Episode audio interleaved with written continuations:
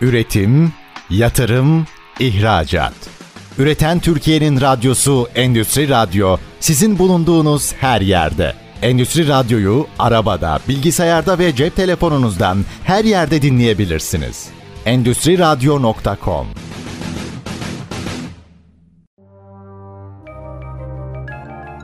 Koray İnan'ın hazırlayıp sunduğu Satış 4.0 Dünyası programı başlıyor. Herkese merhabalar. ST Endüstri Radyo'dan ben Koray'ın hazırlayıp sunduğu Satış 4.0 Dünyası programına hoş geldiniz. Bugünkü konuğum Güden Uluslararası Hukuk Bürosu kurucusu Ali Güden ile birlikte çok güzel bir konu. Bir avukatın gözüyle İngiltere'de iş yapmak, şirket kurmak ve e-ticaret yapmak konularını konuşacağız. Aslında 3 tane konu iç içe girmiş durumda. Keyifli bir konu çünkü Ali uzun zamandır İngiltere ile hem iş yapıyor hem orada bağları var. Yani kısacası aslında o piyasayı çok çok iyi tanıyan bir dostumuz, bir arkadaşımız. Ben de rica ettim. Dedim ki gel bu konuları dinleyicilerimizle de paylaş. Çok da güzel olur dedim. O da sağ olsun kırmadı geldi. Ali merhabalar, hoş geldin. Hoş bulduk Koray. Teşekkür ederim bu arada davetin için tekrardan. Ben de teşekkür ederim. İyi ki geldin. Çok da keyifli bir konu. Zannediyorum ki birçok dinleyicimiz de hani buradan güzel bilgilerle ayrılacaktır diye düşünüyorum. Şöyle yapalım mı Ali? Şimdi konuşacağız. Tabii konular var. Birçok sorular var benim aklımda ama öncesinde seni kısaca bir tanıyabilir miyiz? Neler yaptın şu ana kadar ve şu anda neler yapıyorsun? Elbette. İngiltere ve Türkiye'de avukatlık yetkisine sahibim e, ve bu anlamda bir hukuk bürom var. Uzunca bir süre hem Türkiye'de okudum sonra akabinde İngiltere'de okudum. E, bunu tabii yapmak çok kolay olmadı tahmin edersin sen de. Şu anda da Güden Hukuk Bürosu'nun, Uluslararası Hukuk Bürosu'nun İngiltere'de ve Türkiye'de ofislerimiz var İstanbul ve Londra olmak üzere. Kurucu ortağıyım. Bu anlamda Türk girişimcileri ve Türk şirketlere İngiltere'deki işleriyle ilgili daha çok destek oluyoruz veya yurt dışındaki işleriyle ilgili hukuki destekler ve çözümler sunuyoruz. Yani bunun yanı sıra bir akademik tarafım da var. İşte bir hocalık da yapıyorum. Özyeğin Üniversitesi'nde gerçi bu sene artık bıraktım o bu akademik tarafı. Çünkü işler çok yoğunlaşınca akademiye artık ara vermek zorunda kaldım bu sene itibariyle. Daha çok çalışıyoruz. Vaktimin bir kısmını İstanbul'da geçiriyorum. Diğer bir kısmını Londra'da geçiriyorum. İşte yarı yarıya diyebiliriz aslında.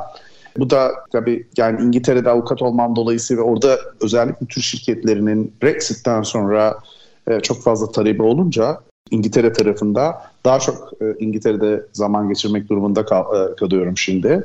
Bu şekilde bir git geldi bir hayatım var diyeyim. süper güzel. Şundan dolayı aslında süper ve güzel dedim. Yani konuşacağımız konuyla direkt ilintili bir hayat yaşıyorsun. Dolayısıyla aslında sana İngiltere'yi soracağım, İngiltere'deki ticaret hayatını soracağım. Tabii bunları hep e, hukuksal bağlamdan soracağım ama dolayısıyla birçok makro düzeyde konuyu konuşacağız. Şimdi ilk sorum şu aslında. iki tane farklı kültür. Türkiye, İngiltere. Şimdi bu İngiltere'de ticaret hayatı nasıldır? Onların kültürleri, böyle ticari bakış açıları nasıldır diye bir soru soracağım ama bunları tabii hep hukukçu gözüyle, hukuk bağlamından da değerlendirmeni isterim. Ama tabii sen birçok iş yaptın, birçok firma ya da danışmanlık yapıyorsun hukuk anlamında. Tabii ki orayı da gözlemleme imkanın oldu aslında. Dolayısıyla bu sorumu biraz daha makro düzeyde en azından bu ilk soru bu makro düzeyde cevaplarsan sevinirim. Yani oradaki böyle ticaret hayatı, oranın kültürü, ticari bakış açısı nasıldır böyle kısaca almak isterim. Elbette. Yani senin de bahsettiğin gibi Türkiye'deki birçok sektördeki farklı şirkete destek alıyorum. Ee, işte sağlık turizminden özellikle çok popüler biliyorsun bu aralar. Teknoloji şirketlerine, e-ticaret şirketlerine, yine aynı şekilde sanayi şirketlerine, üreticilere yani, gıda alanında, sektöründe çalışan şirketlere, birçok şirkete İngiltere'deki açılımlarıyla ilgili destek oluyorum. Onların hem e-ticaret taraflarını destek veriyorum. Hem normal satış süreçlerinde destek veriyorum. Tabii bu destekler hukuki destekler. İşte sözleşmelerin hazırlanması vesaire. E, genel olarak söyleyeceğim şey şu. Bu bu çerçevede baktığımızda İngiltere'de iş yapma meselesine pazara girmek biraz zor. Ama çünkü bir gelenek toplumu İngiltere. Gelenek toplumu oldukları için o geleneğin içerisinde yani siz de bir gelenekten geliyor olmanız gerekiyor. Yani oraya girebilmeniz için ya da onlarda bir e, bir süreç, bir sizi tanımaları gerekiyor bir güven ilişkisinin oluşması için. Bu da zaman alan bir şey. Yani sizin satmış olduğunuz ürün ya da hizmet işte daha avantajlı olsa dahi sizi tanımak istiyorlar. Yani o güven ilişkisinin e, yaşanması gerekiyor. E, güven ilişkisi yaşan, yaşandıktan sonra, oluştuktan sonra ancak daha verimli, daha karlı satışlar yapmak mümkün olabiliyor. Yani genel çerçeveyle bunu söyleyebilirim İngiliz pazarına ilişkin. Çünkü farklı bir kültür tabii senin de takdir ettiğin üzere. Yani e, yaşam biçiminden e, alışveriş yapma biçimine, hukuka bakış açısına yani mesela tüketici hukuku dediğimiz mesele var orada. E, bilinçli bir tüketici var İngiltere'de. E-ticaret konusunda hep yine buna değiniyorum. E-ticaret çok e, geniş bir pazar e, İngiltere'de. Dolayısıyla bilinçli bir tüketici olması, haklarını biliyor olması tabii Türkiye'li üreticileri ya da satış yapanları da ister istemez zorlayan bir konu oluyor. Dolayısıyla bu pazara girerken özellikle bu konuyu çok iyi değerlendirmek gerekiyor. Yani bir bilinçli tüketiciyle karşılaşacağınızı, bilinçli tüketicinin karşısında güven duygusunu yaratmanız gerekiyor. Bu da tabii zaman, çaba ve iyi bir altyapı demek. Bunlar varsa o pazarda büyümek çok daha kolay olabilir. Yani bunu bütün diğer bütün sektörler için konuşabiliriz. Yani siz bir e, ticaret şirketiyseniz de bu böyle. E, diğer şirketler için de aynı şeyi söyleyebiliriz. Yani e, işte örneğin sağlık turizmi çok popüler. Türkiye'den çok fazla şey var bu alanda talep var. Yani daha doğrusu Türk şirketleri gidip orada İngilizleri işte buraya getirmek istiyorlar. E, şey sağlık turizmi şeyle ilgili hastanelerimiz çünkü çok geniştiler biliyorsun. Diğer tarafta üretimde de aynı şekilde. Çünkü insanlar bir koyup 22 almak istiyorlar. 20 değil artık 22 oldu. Yani sterlinin de yüksek olması e, İngiltere'yi Türkler açısından özellikle Türk üreticiler ve e, satış ve pazarlama noktasında cazibeli bir noktaya getiriyor. Süper. Şunu duydum Ali senden aslında. Bir e, gelenekler toplumu dedin. Bu önemli. Tabii ki burada da güven sağlamak çok çok önemli. Dolayısıyla yine bir şey daha duydum ki o da çok önemliydi bence. Bilinçli bir tüketiciden bahsettin. Dolayısıyla hani evet iş yapılabilir diyorsun ve ciddi anlamda kar marjları da olabilir diyorsun ama burada bir en azından başlangıç için o güveni sağlayana kadar ciddi bir emek sarf etmek gerekiyor gibi gözüküyor. Sana şunu sorayım. İngiltere'de ticaret yapabilmek için bir şirket kurmak gerekiyor tabii ki doğal olarak. E, şunu merak ediyorum. Bir firma kurmak için neler gerekiyor İngiltere'de ve bu kuruluş sürecinde nelere dikkat etmek lazım? Muhtemelen herhalde bir hukuksal anlamda siz de buna destek veriyorsunuz. Dolayısıyla burada dikkat edilecek konuları da hani net olarak görmüşsünüzdür piyasadan. Ve bir, bir sorum daha var aslında buna ek olarak. Fiziken gitmeye gerek var mı? Bu da benim aklıma takılan sorulardan bir tanesi aslında. Gayet güzel ve mantıklı sorular. Özellikle Türkiye ile karşılaştırıldığında e, bu sorular çok anlamlı oluyor. Çünkü Türkiye'de şirket kurabilmek için fiziken burada olmak gerekiyor ya da işte vekalet gerekiyor vesaire. E, İngiltere'de böyle değil. İngiltere'de fiziken gitmeden istersen sorunun son, sondan başlayayım ben. Tabii fiziken ki. oraya gitmeden İngiltere'de şirket kurmak mümkün. Hatta e, işte online bir sürü platform var işte bu şirketleri kurabileceğiniz. Çok düşük maliyetlerle vesaire. Ama problem şurada.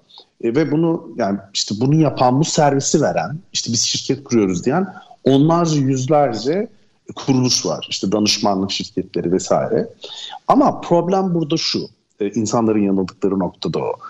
Şirketi gidip herhangi bir e, danışmanlık şirketinden e, İngiltere'de herhangi bir yani avukat olmayan işte oradaki baroya kayıtlı olmayan bir avukattan veya mali müşavirlik gibi bir yetkisi olmayan bir danışmanlık şirketi aracılığıyla yaptıkları zaman yanlış ve hatalı sonuçlara ulaşma ihtimalleri çok yüksek. Şimdi böyle bir şeyler, problemler silsilesi var aslında. Dışarıdan baktığımızda çok kolay şirket kurmak bu arada. Bir tek kişi yeterli, online kurulabiliyor. 24 e, saat içerisinde şirket hazır olabiliyor. Ama yani bunun hazır oluyor olması sizin orada iş yapabileceğiniz anlamına gelmiyor. Yani ya benim şirketim var artık ben iş yapabilirim. Hiç de böyle değil yani. O yüzden şirket kurmadan yapmak istediklerinizi çok iyi bir stratejiyle geliştirmeniz gerekiyor. Hukuki altyapısını hazırlamanız gerekiyor.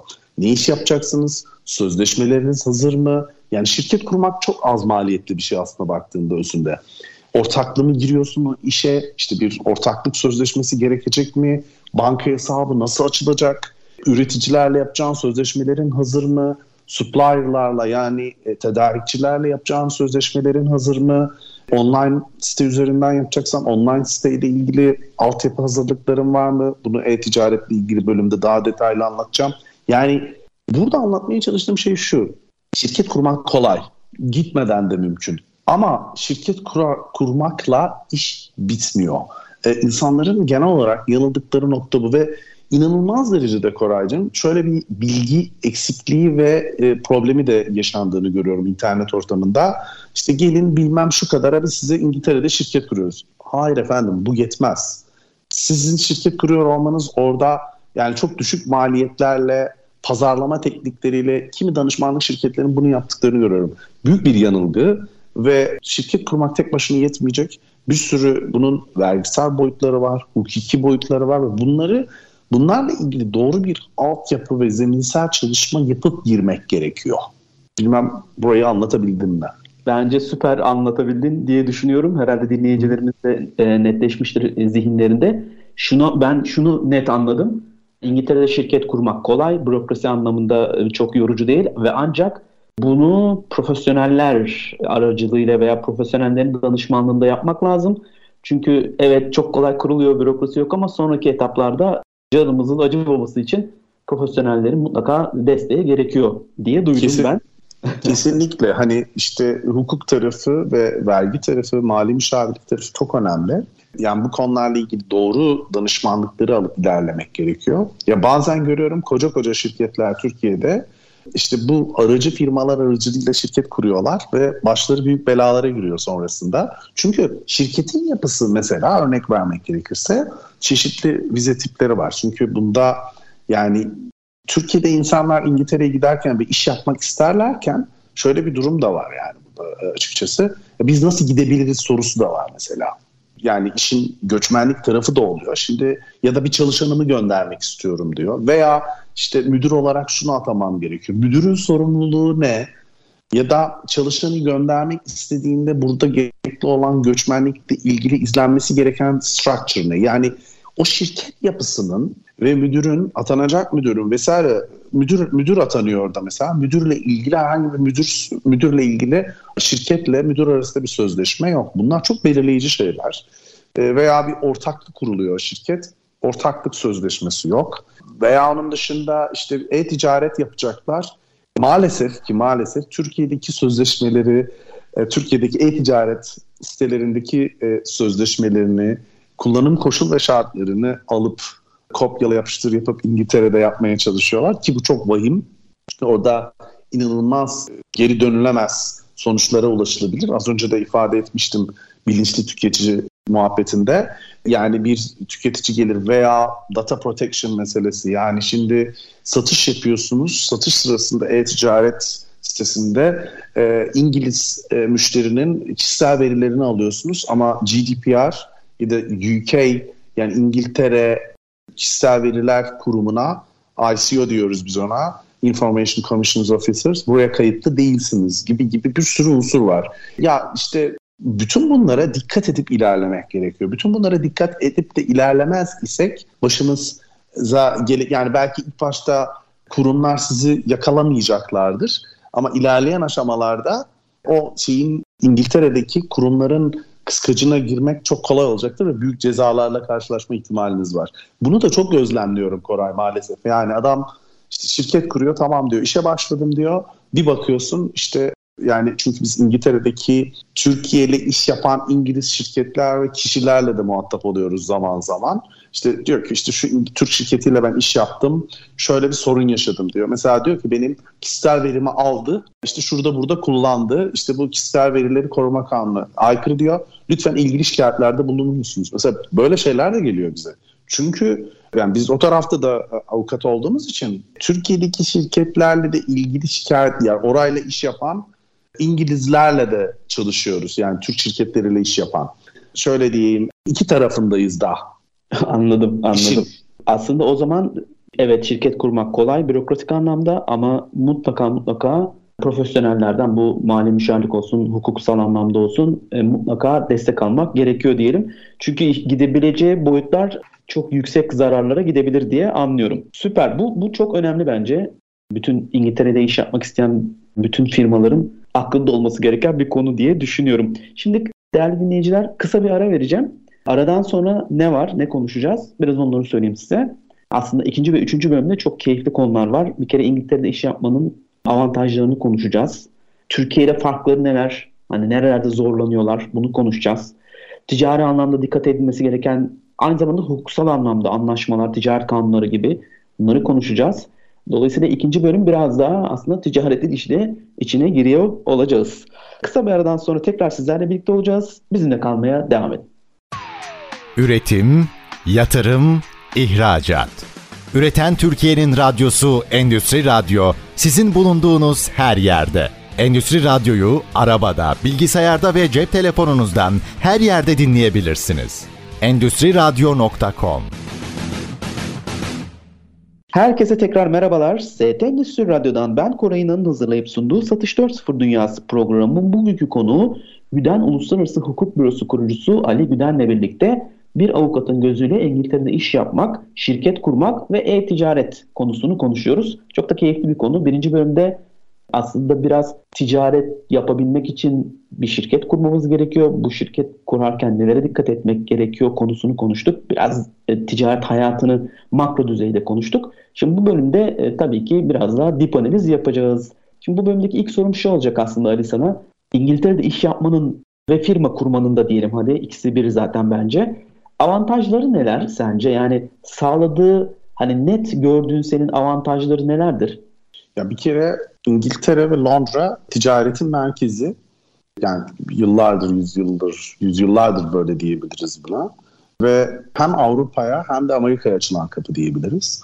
Dolayısıyla Türk şirketlerinin uluslararasılaşması anlamında önemli bir yer. Eğer uluslararası bir marka olmak istiyorsanız İngiltere'de mutlaka olmanız gerekiyor açıkçası. İngiltere o yüzden önemli. Hani tabii başka e, marka yerler de var dünyada işte Dubai gibi ya da Paris gibi. Ama bana göre İngiltere ve Londra'nın yeri çok daha farklı. Finans merkezi olması da bir diğer sebep diyebiliriz. Tabii Amerika'ya yakınlığı, işte İngilizce konuşuluyor olması Türkler açısından çok daha rahat oluyor. Türk şirketler açısından oradaki operasyonları anlamında. Ve de ciddi bir Türkçe konuşan bir nüfus da var artık. Özellikle Ankara Anlaşması ile gidenler, Kıbrıslılar vesaire koyduğumuzda bunları hepsi birlikte. Yarım milyonun üstünde bir Türkçe konuşan nüfus var diyebiliriz İngiltere'de. Kıbrıs vatandaşlarını vesaire de e, koyduğumuz zaman. Bu yani cazibe merkezi olması meselesi, nin ötesinde iş yapmak da kolay aslında baktığımızda. Yani Türk şirketleri açısından neden önemlisi meselesini. Şirket kurmak çok kolay az önce de ifade ettiğim gibi ama tabii şeyleri çok fazla. Regülasyonları çok fazla. Bu işin hukuksal tarafı biraz sonra ona değinirim. Ama yani eğer bunlara da uyuyorsanız zaten o regülasyonlara, hukuk kurallarına çünkü e, gerçekten hukuk devletinin işlediği bir sistem de var orada. Ee, yani e, işte kurallar, belli kurallar var. Bu kurallara uyduğunuz sürece bir problem yaşamıyorsunuz ticarette de. Ve bunlar çok belirli ve net. Ee, bence e, işin en önemli tarafı burada bu. Belirli ve net kurallar var. O belirli net, net kurallara göre yapmanız ve yapmamanız gerekenler burada net. Dolayısıyla e, bunlara uyduğunuz vakit kredibiliteniz de tabii şeyde İngiltere'de yükseliyor. Bu tekrar ifade etmiştim birinci bölümde de zaman alan bir şey kesinlikle. Zaman alan bir şey olduğu için de belli bir süre sonra ancak işte e, İngilizlerin gözünde ya da İngiliz müşterilerin gözünde siz bir e, önem kazanıyorsunuz ve sizinle çalışmaya başlayabiliyorlar. Bu da tabii sizi test etmeleriyle mümkün olabiliyor. Şimdi bir konu daha var bence çok önemli diye düşünüyorum. Şimdi bizim kültürümüz farklı bir kültür. İşte İngiltere kültürü farklı bir kültür. Senin gördüğün kadarıyla yani bu sorumu hukuksal bağlamdan da cevaplayabilirsin ama tabii ki orada yaşadığın için kültürü de iyi tanıyorsun. Türkiye'de böyle ana farklılıklar nelerdir ve bu bağlamda da iş yapanlar nerede zorlanıyorlar özellikle Türkiye'den iş yapanlardan bahsediyorum. Ya satış noktası burada çok önemli Koray. Yani ilk pazara girişte kendilerini ifade yani dil bariyeri var bir kere. Yani her ne kadar e, insanlar Türkçe, işte İngilizce biliyor olsa da Türk şirketleri dil bariyeri ve kültür bariyeri var. Genelde de bu konuyu şöyle aşıyorlar gördüğüm kadarıyla. İngiltere'de e, olan ve pazarlama bilen insanlarla çalışıyorlar. Yani buradan pazarlama yapmak çok zor. Yani İngiliz mesela yani bir şey var, e, sağlık turizmi yapan bir şirketimiz var. Oradan mesela birileriyle çalışıyor. Veya yine Türkiye'de olup İngiltere'de satış yapan e, işte orada depo kurmuş başka şirketler var. Burada da büyük markalar da var tabii bunların içerisinde e, isim veremiyorum. Onlar da yine aynı şekilde yapıyorlar. Ne yapıyorlar? Bu kültür bariyerini aşmak için oradaki bizzat bulunan kişilerle çalışıyorlar. O kültürü daha iyi tanıyan, o kültürün içerisinden gelen kişilerle. Bu bence önemli bir handikap. Çünkü İngilizce bilmek tek başına yetmiyor.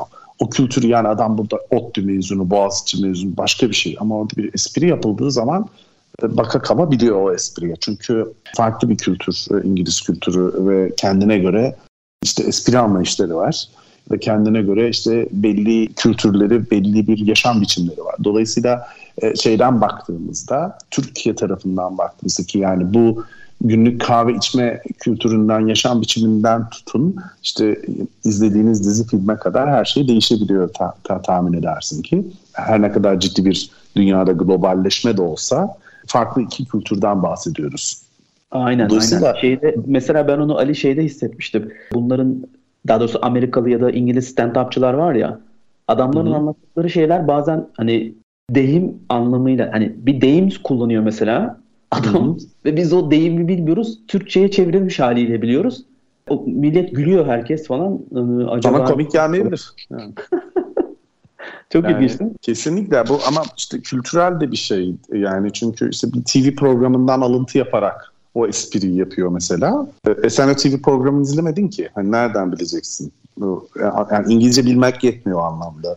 Ya da aslında evet. Türkçe'de de böyle kesinlikle. Yani bütün dillerde ve kültürlerde benzer çatışma var baktığımız zaman. Yani o dili bilmek tek başına yetmeyebiliyor o şeyi iletişimi sağlamak açısından ya da adam belli sporlar var. Hani futbol tamam Türkiye'de de popüler ama futbolu konuşabilirsin ama adam futbol dışında başka işte tenisten bahsediyor işte ya da cricket çok e, popüler mesela. Cricket, cricket'la ilgili ne kadar işte bilgin var. Hani o sohbete dalamazsın yani.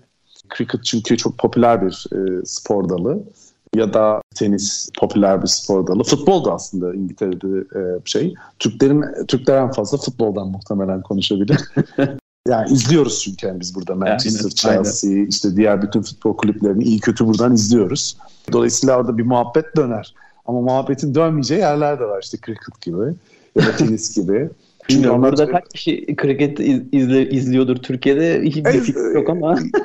yani işte yoktur diye düşünüyorum çok fazla popüler hiç popüler değil. Hatta takımımız var mı bizim bilmiyorum yani. Bilmiyorum. Ama şöyle o zaman e, buradan da bitiyor çıkıyor. İngiltere ile iş yapıyorsan bu cricket şeylerini diyeceksin. o da o da daha çok Commonwealth ülkelerinde yani işte İngiltere'nin eski Commonwealth ülkesi dediğim işte Avustralya, Kanada, İngiltere'ye bağlı ülkeler var ya. O ülkeler nezdinde daha çok münasebet şeyler yapılıyor. Maçlar yapılıyor vesaire kesinlikle ilginç bir şey ayrım bu anlamda baktığımızda. O zaman şunu duydum senden aslında. Bu son iki soruyu da birleştirerek şöyle bir kere çok avantajlı bir yer aslında İngiltere ve Londra. Çünkü uluslararası bir marka olmak istiyorsan buradan geçeceksin. Hı hı yarım milyona yakın Türkçe konuşuyor konuşan insan var dedin. Bu bayağı yüksekmiş. Kıbrıslıları da kattım içine. Kuzey Kıbrıs'taki insanların. Cazibe merkezi, ticaret merkezi, şirket kurmak kolay dedin ve aslında regülasyonları net, açık ve sade aslında yapabil yap, yaptığın sürece sıkıntı yok dedin. Aynen. Bu aslında avantajları tabii. Hani farklılıklar neler? Nerelerde takılabilirler dedin. Burada dil çok önemli dedim. Bir tanesi bu. Bunu nasıl aşıyorlar dedin. Ş- şöyle bir şey yaptıklarını söyledin. İngiltere'de oranın yerlisi diyelim hadi Türkçesi. Yani hı hı. E, orada o, o kültürü bilen, İngilizceyi bilen, oranın yerlisi biriyle çalışarak aslında bunu aş, aşabildiklerini söyledin. Yani pazarlamasını ya da satışını oradaki birinin birilerinin daha doğrusu yap, yaparak e, bu dil ve kültür sorununu aşabileceklerini ifade ettin. Şimdi şöyle bir şey yapalım. Bu soru tam anlamını hukuk bağlamında soracağım bu soruyu. Hı hı. Burada dikkat edilmesi gereken hususlar Yani anlaşma ve ticaret kanunları gibi hani bu, bu bağlamda e, düşünürsek neler var? Hani ya şurası çok dikkat edilmesi gerekiyor dedin. Hatta biraz önce söyledin aslında. GDPR dedin, UK işte ICO mu dedin tam orayı kayıt alamadım ama oraya üye olmak gerekiyor mesela dedin. Hani bunun gibi böyle aklında böyle küçük trikler var mıdır? Neye dikkat etmek lazım hukuksal ya, anlamda? Ya aslında çok şey var. Açıkçası yani yani samimi konuşacağım. Regülasyonlar boyutu işin en pahalı boyutu özünde. Yani, yani İngiltere'de hizmet almak pahalı. Hani sterlin üzerinde alındığı için. Ve avukatlık ücretleri, mali müşavirlik, danışmanlık ücretleri biraz pahalıca geliyor Türklere. Yani Türk şirketlerine. Çünkü sterlin bazında ödedikleri için. Ama bu kaçınılmaz bir şey. Yani şirket kurmak kolay, çok ucuza kuruluyor deyip işte copy paste sözleşmelerle ilerlemek sizleri yani girişimcileri ve şirketleri çok büyük bir yanılgıya itebilir devamında. Şimdi regülasyonlar boyutu inanılmaz kalabalık bir boyut açıkçası. Şeffaf ama çok şey var. Yani yapılması gereken, atılması gereken çok şey var açıkçası. Yani ben Türkiye'li bir fintech kuruluşunun İngiltere'deki açılımını da yapıyorum mesela şimdi. Şimdi bunu yaparken o fintech kuruluşunu gelip de alıp da e, İngiliz pazarına koymak hiç de kolay olmadı açıkçası. Hem bir kadar kolay hem bir kadar zor aslında bakarsın. Çünkü çünkü Türkiye'deki regülasyonlar farklı. Türkiye'deki bir hukuk e, şeyi var mesela bu söz konusu şirketin ya da İngiltere'de var. Yani bunun örnekleriyle de anlatmak istiyorum sana. Daha somut ilerlemek açısından. Şimdi bütün bu regülasyonlara uyman gerekiyor. İşte Data Protection dediğimiz kişisel verileri koruma kurumu e, kanunu İngiliz'den bahsediyorum, Türk'ten değil. Sizin buna uyumlu olmanız gerekiyor bir şekilde. Bunun dışında İngiltere'de, Türkiye'de olmayan bu arada birçok Türk şirketi Türkiye'den besleniyor. Yani adamın müşteri ilişkileri Türkiye'de, adamın IT departmanı Türkiye'de. Yani her ne kadar orada satış yapmaya çalışsa da bütün departmanlar Türkiye'de. Bu şu anlama geliyor. E sizin hani tamam da hani İngiltere'deki senin buradaki ekibin İngiliz kurallarını biliyor mu? Bilmiyor. Yani burada böyle sorunlar yaşıyoruz biz açıkçası. Bunları nasıl aşabiliriz? Çünkü bunları şöyle aşmaya çalışıyoruz. Aslında o anlamda kilit de bir rol oynadığını düşünüyorum şahsen. Yani hukuk bürosu olarak bizler.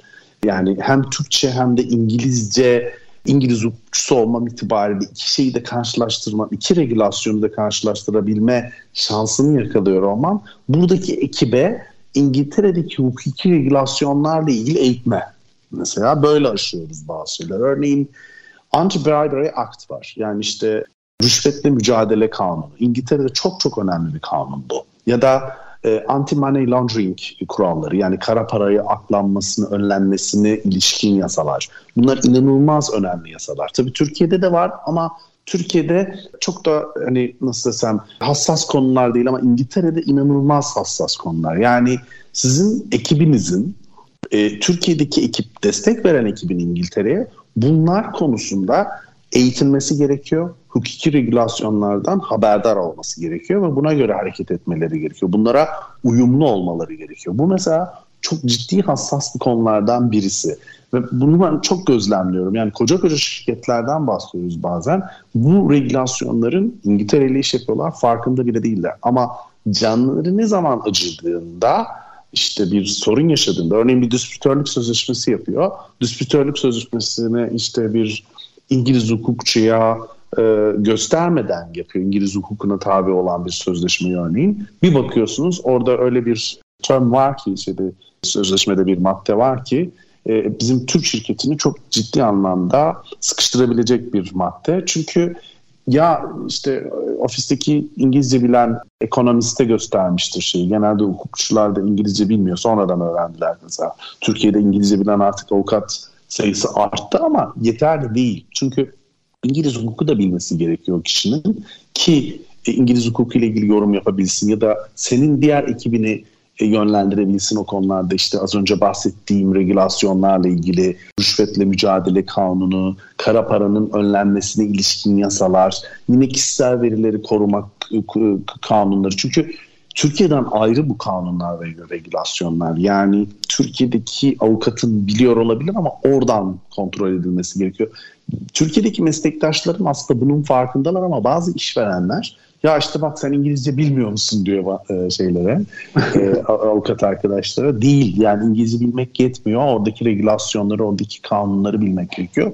Bu, anlamda aslında bilinç arttı. Onu çok e, rahat gözlemleyebiliyorum. Yani şirketlerde yani birçok çalıştığım şirketin e, Türkiye'de hukuk departmanı var zaten. Hani ama ne yapıyor? Diyor ki ya İngiliz hukukuyla bir konu karşılaştıkları zaman e, özellikle danışmanlık verdik, verdiğim şirketlerde Ali lütfen sen de bakar mısın de bize gönderiliyor. Biz bakıyoruz işte onlara. Çünkü e, şey hani onlara aşan bir nokta açıkçası. Çünkü evet. e, hani İngilizce bilmek yetmiyor. Hani Ali şunu duydum aslında yine. E, İngiliz hukukuyla ilgili eğer işlem yapılıyorsa bu soruma istinaden bir kere o hukuku bilen birilerine danışmak gerekiyor. Hani Türkiye'deki birinin İngilizce biliyor olması İngiliz hukukunu biliyor anlamına gelmez. Bu çok önemli. Bir de şeyden bahsettin özellikle. Operasyonları yürüten İngiliz şirketi, operasyonları yürütenler Türkiye'de. Onların da mutlaka hukuksal anlamda eğitim almaları gerekiyor. Ee, konusu bence çok önemli. İki konuydu aslında biraz önceki sorumu istinaden senden aldım. Şimdi yine ikinci bölümün sonuna geliyoruz Ali ve üçüncü bölümde ne konuşacağız sevgili dinleyiciler onu da söyleyeyim size. Üçüncü bölüm biraz e-ticarete ayırdım aslında kafamda, zihnimde. E, bu e-ticaretle ilgili fırsatlar, e, işletme arasından e-ticaretin faydaları, özellikle İngil- İngiltere tarafıyla ilgili. Üçüncü bölümde daha çok İngiltere ve e-ticaret konusunu konuşacağız. Ama öncesinde kısa bir ara bizimle kalmaya devam edin. Üretim, yatırım, İhracat. Üreten Türkiye'nin radyosu Endüstri Radyo sizin bulunduğunuz her yerde. Endüstri Radyo'yu arabada, bilgisayarda ve cep telefonunuzdan her yerde dinleyebilirsiniz. Endüstri Radyo.com Herkese tekrar merhabalar. ST Endüstri Radyo'dan ben Koray İnan'ın hazırlayıp sunduğu Satış 4.0 Dünyası programının bugünkü konuğu Güden Uluslararası Hukuk Bürosu kurucusu Ali Güden'le birlikte bir avukatın gözüyle İngiltere'de iş yapmak, şirket kurmak ve e-ticaret yapmak konularını konuşuyoruz. Çok keyifli konular. İlk iki konuyu konuştuk aslında zaten. Üçüncü konu yani e-ticaretle ilgili kısma geldik. Benim de böyle en keyif olarak dinleyeceğim konulardan bir tanesi. Şimdi bu bölümde e-ticarete bakacağız, e-ticareti konuşacağız. Biraz bu taraftaki fırsatları konuşalım istiyorum aslında. Ama tabii şöyle Ali yine hani sen e, tabii ki sorularımın hepsi hukuksal bağlamdan soruyorum ama e, sen orada uzun yıllardır bulunuyorsun, kültürünü biliyorsun, şirketleri de biliyorsun. Hani biraz daha yine bu soruma en azından daha makro düzeyde de cevap verebilirsin. Yani ticari tarafı da katarak cevap verebilirsin. Burada ne gibi fırsatlar var bizler için? Şimdi e-ticaret noktasında İngiltere yani ya da Birleşik Krallık çok büyük bir pazar. Yani e, o öyle bir pazar ki Avrupa'da Türkiye'den de büyük bir pazar. Yani insanlarda öyle bir e-ticaret e, yani e, internet üzerinden alışveriş yapma alışkanlığı çok gelişmiş bir pazar diyelim. Yani işte istatistiksel oranları var. Şu an aklımda değil veremiyorum sana. Böylesi bir pazara girmek de istiyor tabii. Yani şöyle avantajlar sağlıyor Türkler açısından aslında birinci bölümde de biraz bahsetmiştim. E, bir koyup 22 alma meselesi aslında burada en büyük şey. Çünkü Türkiye ciddi bir üretim hub'ı haline geldi. Özellikle yani üretim yapan şirketler işte örnek verdiğim gibi bu şey gibi havlu örneğin işte örneği basit bir örnek olacak ama işte fablo fabrikanız var Türkiye'de. Kendi girişiminizi kurmak istiyorsunuz. İşte oradaki süpermarketlere satıyorsunuz toptan olarak ama işte on ikinci nesil ya da üçüncü nesil e, çocukları havlu fabrikasının Aa, ben, biz kendi girişimimizi yapalım şeklindeki bir girişimle İngiltere'de e, çok daha kar marjı yüksek bir şekilde kendi markasını yaratıp işte bir ürün satma şeyi var, potansiyeli var, ciddi bir pazar var diyebiliriz. Özellikle Türkiye'nin de üretim hub'ı olmasıyla birlikte gelişen bir süreç bu. Çünkü yani Türk üreticiler açısından şöyle bir durumla karşı karşıyayız. Kar marjı yüksek bir ülke. Yani buraya baktığımızda ama maliyetleri de var bu taraftan. Diğer taraftan yani dezavantajlarını da aslında burada ifade etmek gerekiyor. Maliyetleri de göz önüne alıp bu pazara girmek gerekiyor. Maliyetlerle birlikte aslında en önemli maliyet zaman zaman işte regülasyonlara uyma, oradaki kurallara uyma şeklinde olabilir. Çünkü gerçekten çok kuralcı bir ülke bu arada. Yani bunu trafikte bile gittiğinizde hissediyorsunuz. İşte neredeyse yani her yerde kamera var. Siz izleniyorsunuz bir şekilde. Sanki izlenmediğinizi düşünüyorsunuz ama her yerde şey. Aslında ticaret hayatında da öyle. Dolayısıyla internette izleniyorsunuz bir şekilde bankalar üzerinde çünkü bankacılık faaliyetleri inanılmaz bir şekilde bir um, kontrol altında İngiltere'de. Yani örneğin bir bankaya elinizde bir 4000-5000 pound cash'le, nakitle gittiğiniz zaman oradaki bankadaki kontrolde oturan çalışanın direkt sizi polise ve ilgili birime ihbar etme yükümlülüğü var. Ve büyük ihtimalle ederler. Yani sizi şikayet ederler. Çünkü burada bir kara para maklıyorlar diye. Yani nakit taşımak yasak mesela çoğu yerde. Birçok işlem elektronik e, oluyor. Böyle olduğu zaman mesela artık birçok e, şey, bu arada restoran dahi ya da restoran ya da kafeler, barlar nakit para kabul etmiyor. Çok yani ilginç gelebilir sana. Nakit Aa, para yok. ilginç. nakit yok abi. Nakit bitti. Kart, Her şey dijital. Kart, kart, kart bir de şey üzerinden, telefon üzerinden pay şeyle Türkiye'de yok. Evet, evet, uygulamalar üzerinden ödeniyor aslında e, açıkçası. Direkt uygulama üzerinden ödüyorsunuz. Kartınızı uygulamaya yüklüyorsunuz. Kart üzerinde yani Türkiye'de de farklı şekilleri var. Türkiye'de henüz gelmedi o isim de vermek istemiyorum. Şimdi böyle olunca tamamen cashless oldu. Yani hiç nakit olayı tamamen ortadan kalkmış durumda İngiltere'de. Zaten nakite de karşılar bu arada. Yani çünkü bütün paranın bir şekilde sistemin içerisinde yer almasını istiyorlar. Yani şeffaf bir şekilde. Ve izlenebilir, kontrol edilebilir. Aslında elektronikleşmesi de bir anlamda buna yarıyor. O yüzden İngilizler çok da bundan yana bir taraftan baktığımızda. Yani belki işte e, e, fintech meseleleri o yüzden çok popüler mesela İngiltere'de. Acayip fintech kuruluşu var. O yüzden Türk fintech kuruluşları da İngiltere'ye girmeye çalışıyorlar. O pazara girmeye çalışıyor. Çok büyük bir pazar bu arada. Ve aslında İngiltere bu anlamda birçok bir, bir noktada teknoloji konusunda öncülük de yapıyor. Öncülük yaptığı için regülasyonlar boyutuyla bak. Bu çok önemli bir konu. Yani büyük ihtimal mesela şeylerle ilgili izliyorsundur belki işte şey regülasyonları ile ilgili, e, kripto regülasyonları ile ilgili ilk işte kriptolar varlık hukuksal bir varlık mıdır değil midir? Mesela bununla ilgili bir bilim kurulu oluşturdular. Hukuki bilim kurulu. Bunlar bir deklarasyon yayınladı. Evet varlıktır dediler bu arada. Yani onu da paylaşmış olalım o bilgiyi.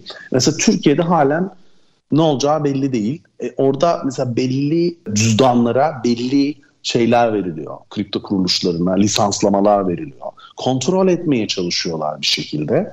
Yani işte regülasyonun bir taraftan çok olması işe yarıyor. Bir taraftan tabii bizi zorlayan bir şey. Yani özellikle şirketleri de zorlayan bir konu. Eğer siz o regülasyonlara uyuyorsanız ve işinizi düzgün yapıyorsanız büyüyorsunuz. Ve size işte gerekli lisansları veriyorlar vesaire. Yani ya e-money şirketiyseniz de buluyor. Yani işte e, elektronik para şirketi veya e, kripto kuruluşuysanız bir cüzdan mı açmak istiyorsunuz işte şeyde İngiltere'de veya e-ticaret e, sitesi mi kurmak istiyorsunuz? Ya, kurulabilir. Bunların hepsi mümkün. Hiçbirinin önünde engel yok bu arada. Yani hepsini sadece kurallara uygun yapmanız gerekiyor. İyi bir market, iyi bir pazar, karlı bir pazar ama uyulması gereken çok şey var yani kurallar var. Ve o yüzden onlara uyduğunuz ve onlarla e, ilerlediğiniz sürece kar etmek, para kazanmak Türkiye şirketler açısından, üreticiler açısından, girişimciler açısından müthiş bir pazar diyebiliriz. Şunu da duydum aslında biraz önceki söylemlerinden. Ee, adamlar zaten her şeyi regüle ettikleri için e, öncü de olmak zorundalar bir nevi. Çünkü önce olmazlarsa ve regüle etmezlerse o alanı bu sefer o alan hukuksal anlamda boşlukta kalıyor. Böyle bir şey istemiyorlar. Dolayısıyla aslında bu bilim kurulunun açıklamaları e, falan tam da bu söyleme uyuyor. Hani benim en azından anladığım kadarıyla. Evet yani birçok birçok şeyi dediğim gibi öncülük etmeye çalışıyor İngiltere bu anlamda. Yani mesela regülasyonlar konusunda Türkiye tarafı, yani bu Türkiye ile karşılaştırıyorum tabii Türkiye'de de hukukçu olma itibariyle biraz daha yavaş geriden ilerliyor. Yani evet e, işin o boyutu var. Yani İngiltere bu anlamda hukuk anlamında da zaten e, çok yeni kurumlara işte az önce de ifade ettiğim gibi elektronik para kuruluşları olsun ya da kripto kuruluşlarına böyle bir şekilde güven vermeye çalışıyor ve onları regüle etmeye çalışıyor ama çok da kolay bir şey değil tahmin edersin ki. Diğer bir konuda evet. mesela insansız araçlar meselesi. Türkiye'de belli regülasyonlar var. E, Türkiye'de biz de tart Türkiye'de tartışıyor bütün bunları. E, işte mesela şimdi otonom araçlar meselesi var İngiltere'de. onunla ilgili belli bir regülasyon da geçti bu arada. yine şeylerin işte kripto varlıklarla ilgili meseleler var. Çok tartışılıyor bu bütün konular. Yani evet bir, bir öncülük etme durumları söz konusu. Bir de sonlara geliyoruz aslında. Kafama şey vardı şu soruyu da sorayım istiyorum sana. Biraz tabii soğudu bu olay ama Brexit olayı ne getirdi ne götürdü bu Türkiye'deki iş yapma kurgusuyla ilgili? Ya aslında güzel bir soru. Türkiye aslında Türkiye'nin işine yaradı. Şöyle yaradı. Dolayısıyla aslında İngilizler için pek de hayırlı oldu denilemez. Çünkü Avrupa'dan epey bir e, ayrıldılar. Ama Türkiye'li girişimciler ve şirketler açısından daha rekabetçi bir ortam doğurdu diyebiliriz. Çünkü şöyle ki e, artık yani İngiliz şirketler daha çok Avrupalı şirketlere çalışmak istiyorlardı. Brexit'le birlikte bu zorunluluk bir ortadan kalktı. Hem çalışanlar açısından da yani göçmenlik anlamında da böyle bir şey oldu. Dolayısıyla bir yani Polonyalı şirketle Romanyalı şirketle Türk şirket arasında fark kalmadı. Çünkü artık Avrupa Birliği üyesi değiller. Yani Romanyalı şirketten de teklif alıyor. Polonyalı şirketten de hani oraları örnek veriyorum. Özellikle hizmet sektöründe ve üretimde biraz oraları kullanıyorlardı. Ama Türkiye'nin bu anlamda önemi de arttı. Brexit ve aslında pandeminin de bunda bence etkisi oldu. Çin'in işte e, şeyde lojistikle lojistik tarafında e, şeyin pahalılığın artması yani lojistiğin pahalı hale gelmesi pandemi sürecinde Türkiye'deki lojistiğin daha kolay olması, daha erişilebilir olması aslında Türk şirketlerinin, üreticilerinin, hizmet sağlayıcıların şeyini arttırdı ister istemez. Yani bu hem teknoloji alanında oldu diyebiliriz hem üretim alanında oldu. Tabii kültürel yakınlık da var. Yani Çinli ile İngiliz mi yakın, Türk ile İngiliz mi? Hani Türk ile İngiliz diyebiliriz bu arada. Evet. Yani sonuçta Avrupalı Türkler de bir şekilde yani daha İngilizceye daha hakimler ama Çin çok ilerledi tabii teknolojide, üretimde, şurada burada. O yüzden işte Türkiye'nin önemi arttı Brexit'le birlikte. Türkiye ile de tabii bir serbest ticaret anlaşması yapıldı özel olarak. Dolayısıyla AB'den farkımız şu oldu açık konuşmak gerekirse vize meselesi. Yani vize meselesinde halen tabii Türk şirketlerinin ya da girişimcilerin, şahısların maalesef İngiltere yapacakları ziyaretlerde vizeye tabi tutuluyor olması açıkçası e, işin en olumsuz tarafı ticaretin önünü bana hmm. göre engelleyen bir konu. Daha rahat giriş çıkış olabilmeli ama maalesef ve maalesef diyorum ki işte vize tarafı maalesef hmm. sıkıntılı şu an İngiltere tarafında. Ama genel anlamda hani makroda baktığımızda e, aslında lehimize olan bir durum gibi gözüküyor. Kes, kesinlikle yani onu Brexit aslında Türk şirketlerin çok işine yaradı az önce de ifade ettiğim gibi ama illaki oraya da gitmek gerekmiyor. Yani bir göçmenlik vizeyle ilgili yaşanan sıkıntılarla e, ilintili olarak söylüyorum. E, gitmeden, İngiltere'ye gitmeden oradan birilerini bularak işlerinizi yürütmeniz mümkün. Hatta birçok işi burada yani birçok şirketle çalışıyorum. Az önce ifade ettiğim gibi Türkiye'de hizmet sağlayıcıları ya da işte müşteri ilişkileri Türkiye'de efendim IT sport ekibi Türkiye'de ama orada küçük bir ekiple işleri yürütmek mümkün olabiliyor. Dolayısıyla e, illa fiziken gideceğim ben orada işin başında olacağım demek de gerekmiyor bu anlamda. Orada kurulacak bir ekiple tabii bu maliyetleri düşünmek gerekiyor. Bu da bir gerçekçi. Yani maliyetleri dikkate alıp bu stratejinin ve pazarlamanın şeyinin yapılması gerekiyor. Stratejinin geliştirilmesi gerekiyor. İngiltere pazarına girerken yani iyi bir stratejiyle, doğru bir stratejiyle e, İngiltere'de, İngiltere pazarında e, başarılı olmak mümkün. Süper. Şimdi Ali programın sonuna geldik. Yani Hı-hı. üçüncü bölümünde soruna geldik ve kapatacağım Hı-hı. birazdan. Senden tamam. şöyle bir şey isteyeyim. Özellikle konuklarımın bazılarını istiyorum. Bence bu çok güzel şeyler konuştuk bugün. Bu girişimciler ve firmalar var tabii. Birçok bazıları bazı girişimciler henüz daha belki bir iki kişilik firma, bazı firmalar çok daha büyük firmalar ama genel hatlarıyla böyle bir toplarsak e, tavsiye anlamında, motto anlamında şöyle iki üç kelimelik ne dersin girişimcilere ve firmalara İngiltere'de ticaret konusuyla ilgili? İngiltere pazarı kazançlı ve karlı bir pazar kesinlikle. Pazara girin, iyi bir stratejiyle, iyi bir programla girin ama. Bundan olmaksızın işte ben şirket kuracağım e, su yolunda dizilir e, şeklinde değil.